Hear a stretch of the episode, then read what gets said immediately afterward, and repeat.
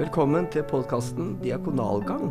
Her sitter jeg sammen med Ivar Solbu, diakon i Sauherad menighet enda noen uker.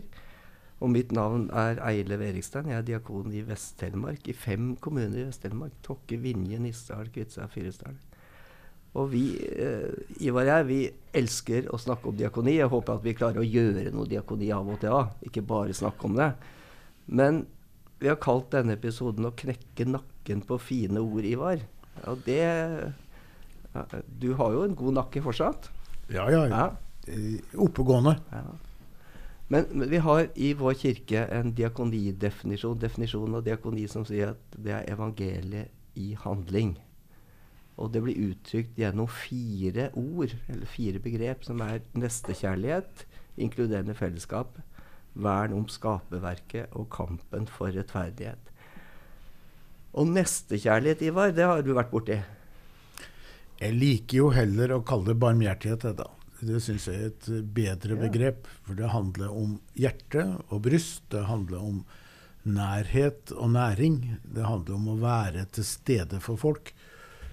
Kanskje har vi i diakonien til tider vært veldig opptatt av å gjøre, og jeg tror absolutt at vi skal gjøre.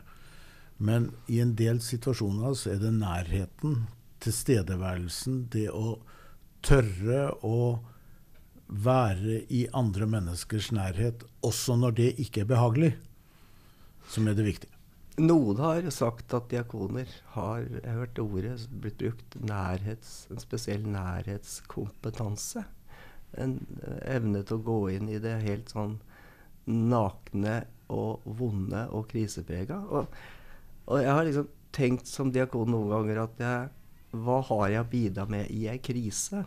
Eh, og jeg har kjent meg sjøl om jeg har holdt på lenge, like, noen ganger er jeg like utrygg som jeg var helt i starten når jeg begynte som diakon. Men, men en får noe igjen for å nærme seg det vonde, eller våge å gå inn i det rommet der noen har eh, Noen er død, noen har tatt livet sitt, noen har blitt utsatt for krenkelser og overgrep. At en går inn i det rommet og våger å sette seg ned og høre til historiene. Og noen ganger så tenker jeg at det er ikke, det er ikke så veldig synd på meg som kan gå ut av det rommet etterpå og lukke døra på en måte, mens de andre sitter igjen med sine sorger. Så kanskje nestekjærlighet er det å våge seg inn i det som er vondt, uten å nødvendigvis ha veldig løsninger på ting. Ja, det er jo veldig sjelden det er vi som skal komme med noen løsning i det hele tatt. I tilfelle så skal vi være med på en vandring sammen med noen der de finner sin løsning, sine løsninger. Eh, Men du snakka om det med utrygghet og, og sånn. Jeg opplever vel at den ofte er størst når man sitter og tenker på, når man sitter i bilen på vei til, eh, når man bare har hørt om. Når man kommer inn i situasjonen, inn i rommet, som du sier, så er det noe helt annet. Og da er det ikke det med løsninger eller med rette ord, men det er det at vi er der. Det at eh, vi kan møte hverandres øyne, vi kan gi hverandre en klem når det er naturlig. I det hele tatt å være til stede er det viktig. Ja, og det å være nær på en måte uten helt å sjøl gå i bakken. Altså det å, å våge, våge å stå der som en, som en kanskje noen ganger en sånn lynavleder. Et, et, eh, noen som tar imot fortvilelsen, og som tåler Og noen ganger så tror jeg at folk ser på oss, og så skal jeg fortelle han eller hun dette her? Tåler, tåler yrkesutøver, tåler diakon å høre dette her? Og hvis de finner ut at vi tåler det, så har vi på en måte gjort en god jobb. Så den, den nestekjærligheten der tror jeg er ganske sånn viktig. Den alminnelig enkle nestekjærligheten. Kjærligheten til den en har ved sida av seg. Det handler jo om å dele. Det handler jo om å kanskje redusere tyngden av fortvilelsen ved å gi litt av det over til noen andre. Og kanskje med å fortelle det ikke én gang og ikke fem ganger, men mange, mange ganger. Og jeg møter jo folk av og til som forteller meg historier som jeg har hørt mange mange ganger før, men som det er viktig for de å vite at de kan fortelle enda en gang. Men Ivar, dette her, den nestekjærligheten som Kan en klare å utføre det eller få det skape noe av det samme i et fellesskap? Jeg tenker det andre poenget, andre punktet i vår diakoniplan er inkluderende fellesskap.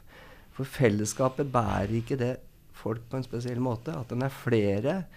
Jeg tenker noen ganger så enkelt som at en sitter i ei kirke, og så er kanskje dagen min sånn at i dag klarer jeg ikke å synge med på salmene. Jeg klarer ikke å be bønnene. Jeg klarer ikke å, å si, si fram trubekjenninga. Og så veit jeg at da ser jeg leppene til noen andre på sida av meg bevege seg. At den er et stort kollektiv i dette, denne kirkevirkeligheten. At den bærer litt sånn denne historien fra Bibelen om den lamme mannen. Og så sier Jesus når han så trua deres, altså kollektivet. Ja, og derfor så liker jeg best når vi bruker den høytidstrosbekjennelsen som starter med 'Vi tror på Gud Fader', 'Vi tror på Jesus Kristus', 'Vi tror på Den hellige ånd'. Og I Danmark så bruker de jo vi-formen veldig ofte også til vanlig på, eh, når de sier fram trosbekjennelsen i gudstjenesten. For da blir det nettopp fellesskapet som tror. Det er ikke avhengig av min at jeg er sterk nok til å bære troen til enhver tid. Noen ganger så er det jeg som bærer den for andre, og noen ganger er det så visst andre som skal få bære den for meg. Det, det, er jo ingen av oss som går gjennom livet og er de sterke hele tida, eller noen som er bare de svake. Vi er som mennesker både sterke og svake, og noen ganger er det jeg som trenger de andre, og noen ganger så skal de andre få lov til å hvile litt i min tro. Jeg ser for meg, Ivar, når du snakker, så ser jeg for meg eh, Moland kirke i Fyresdal. Eh, jeg ser eh, noen innsatte fra skogsleiren eller fengselet i Fyresdal. Jeg, jeg, har en jobb som nå dekker fengselet i Fyresdal som diakon. Og jeg ser innsatte komme i sine jakker med, som viser at de er skogsarbeidere, hvor det står 'stil' på. Eh, og så kommer de inn i menigheten, og så blir de ønska velkommen som de gode folka de er. Det er ingen som ser rart på dem, men fengselet i Fyresdal har vært der i alle år. Og menigheten er veldig glad i fengselet sitt og sier at det er liksom en fin eh, tilvekst til menigheten. Og jeg tenker sånne fellesskap som tåler ulikhet. Jeg skulle ønske at det var liksom det store sånn det diakonale, at en liksom tålte hverandre og klarte å skape det store, store vi, på en måte. Og der syns jeg at menigheten i Fyresdal er veldig gode når de tar imot de innsatte. Ja, du snakker jo av og til om kaker man blir religiøs av, du. Jo, det var, en, det var en innsatt som sa det at dette var Han fikk bakst opp fra bygda. Det er noen damer, diakonidamer i bygda som eh, på, månedlig, på de månedlige visitorbesøka kommer med kake. Og så er det en som etter en sånn veldig god rom- og rosinkake, mye rom, eh, lite rosiner, sier at denne kaka er til å bli religiøs av. Og jeg tenker kanskje nesten et sånt lite bilde på hva diakonien skaper. At noen faktisk begynner å tenke større tanker. Og det tror jeg er litt sånn inkluderende fellesskap. Og det, det er verdt å ta vare på. Mm. Og en annen ting som er verdt å ta vare på, er og Nå ble jeg nesten litt sånn syns det er litt sånn vanskelig å snakke om. Men dette er som heter punkt tre i diakoniplanen, som heter vern om skaperverk. Ivar. Det, jeg er en litt sånn bekymra mann. Jeg syns det ser så dårlig ut for tida. Ja, det er veldig mange kamper man kan kjempe, og det er lett å bli uh, nesten handlingslamma ved å se alt man kunne gjøre. Eh, det er jo litt håp akkurat nå, med alle disse unge menneskene som står opp, og med en Greta Thunberg som går foran der og sier vi må gjøre noe nå, ikke en gang inn i framtida. Eh, jeg tenker jo at vi er nødt til å velge våre kamper. Ingen kan ta alle. Eh, det betyr ikke at jeg kan kildesortere hjemme og gjøre som jeg vil ellers. Men, men noen kamper må vi velge. Hos oss i Sauherad så har vi gjennom mange år nå feira Skaperverkets dag. Og det Første søndag i juni så drar vi ut i skog og mark, eller aller helst ved vann, og har en gudstjeneste, drikker kaffe, prater, noen ganger informasjon om ting knytta til det å ta vare på. Og det en nydelig måte å være. Vi har jo veldig mange flotte katedraler rundt om i bygda vår, sjøl om vi også har to flotte middelalderkirker. Så er det noe med å veksle litt her. Ivar, du uh, fortalte meg en gang hva som var blomsten til Sauherad. At det, det, hadde en spesiell blomst, en bygdeblomst, hadde ikke det? Ja, han, eh, han Erik Solheim, når han var eh, miljøvernminister, så utfordra han alle kommuner i Norge til å ta vare på én spesifikk art som var knytta til der de bor. Og vi i Sauherad fikk beskjed om å ta vare på buesivakse. Og det er det ikke mange som har hørt om. Og det er en meget unnselig, lite pen blomst som vokser i ei kjønn uh, i bygda hos oss, og noen få andre plasser på Østlandet. Og jeg ble jo litt skuffa når jeg oppdaga hva det var vi skulle ta vare på. Men så tok jeg en prat med, med han som er miljørådgiver i kommunen. Jeg tok et intervju med han og sa 'fortell meg om denne blomsten'. Og så sa, kom jeg jo med all min liksom, motforestilling på hvorfor i alle dager skal jeg passe på denne buesivakse.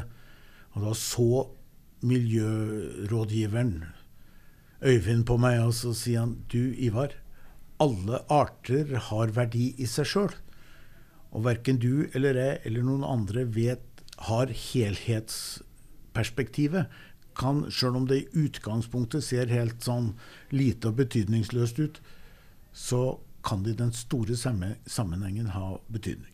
Så vi passer på buesivakse i Sauherad. Og det, den arten som har størst verdi, er menneskearten og hvordan ta vare på den. Eh, ved sist revisjon eh, av diakoniplanen for ti år siden, så, så, kom det et nytt punkt til, som het 'Kampen for rettferdighet'. Og den eh, kampen den handler om at mennesker skal oppleve at de blir sett og hørt og tatt vare på, og at en skal kjempe mot krenkelser. Jeg, jeg bærer alltid et lite kors i lomma, Ivar. Som jeg, jeg har et sånt trekors i lomma. Og dette er jo oppstandelsessymbolet. Gjør seg dårlig på radio, da, eller i podkast, men, men, det er et symbol. Jesus var på det korset, men han er ikke der lenger. Samtidig så er det et torturinstrument. Og jeg holder det hardt i hendene for å minne meg sjøl på kampen for rettferdighet. Minne meg sjøl på at mennesker stadig blir krenka og tråkka på.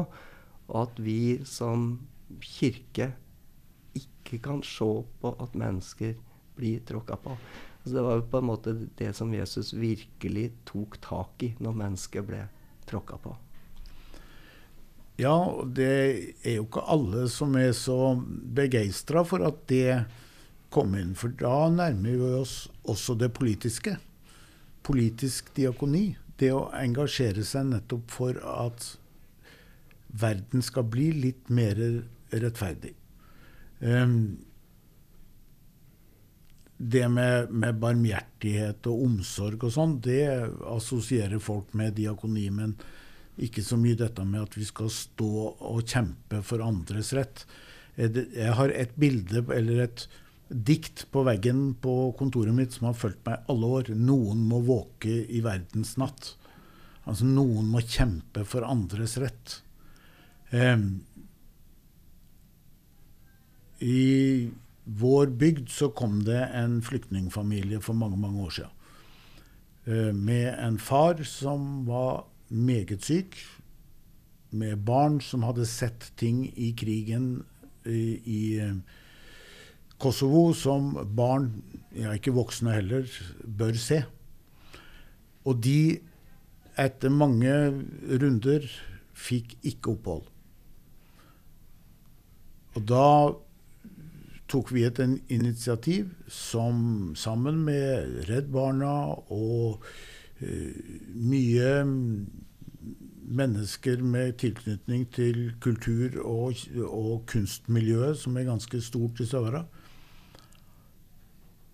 Fordi advokaten sa nå har vi bare én mulighet igjen, og det er rett og slett å anlegge rettssak mot staten ut fra at i loven så står det noe om særlige menneskelige hensyn. Men de blir aldri definert.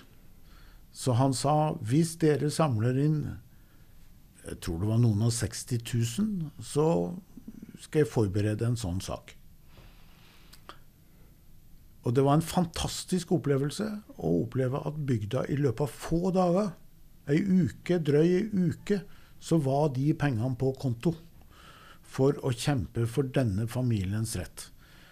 Nå kom vi heldigvis ikke dit at det ble rettssak, fordi staten gjorde om, og en god del barnefamilier på det tidspunkt fikk ny behandling. Og 101 eh, av 102 familier, eller hva det var, fikk opphold. Det er noe av det sterkeste jeg har opplevd gjennom alle disse årene, når den advokaten ringte til meg og sa de har fått opphold, men jeg vil ikke fortelle dem det, du skal få fortelle det. Og jeg ringte til kona, og de var på sykehuset fordi mannen var dårlig. Og hun går ut av sykerommet, og jeg får fortalt henne at dere har fått permanent opphold i Norge. Og legen og mannen hennes hører bare et for, ikke fortvilt, et gledeshyl ute i korridoren når hun går inn og forteller vi har fått opphold. Er det én gang jeg tenker jeg har vært med på å kjempe for andres rett, så er det akkurat i forhold til den familien. Det var kampen for rettferdighet. Og Ivar, det er vel dette er, eh, fra Matteus 25 å ta, ta imot en fremmed òg. Og det er jo liksom Hvem er det vi egentlig tar imot? Det er jo, det er jo Kristus sjøl i den fremmede som vi tar imot. Og det er liksom Når så jeg deg fremmed, eller når så jeg deg i fengsel, osv. Det, er, det er ganske sterk, sterkt i det andre mennesket som fins Kristus. Det kom ei bok da jeg var ung, som heter 'Ser du Kristus i din neste'? Og Det var mange som reagerte på den tittelen. Men det er jo det det handler om. Og så handler det jo samtidig om at når jeg ser, så er det jeg som går Kristi ærend. Så i den kampen eller i sorgsamtalen eller hva det er, så er det litt Jesus på begge sider av bordet. Og det er egentlig diakoni. Det er vel rett og slett det vi snakker om.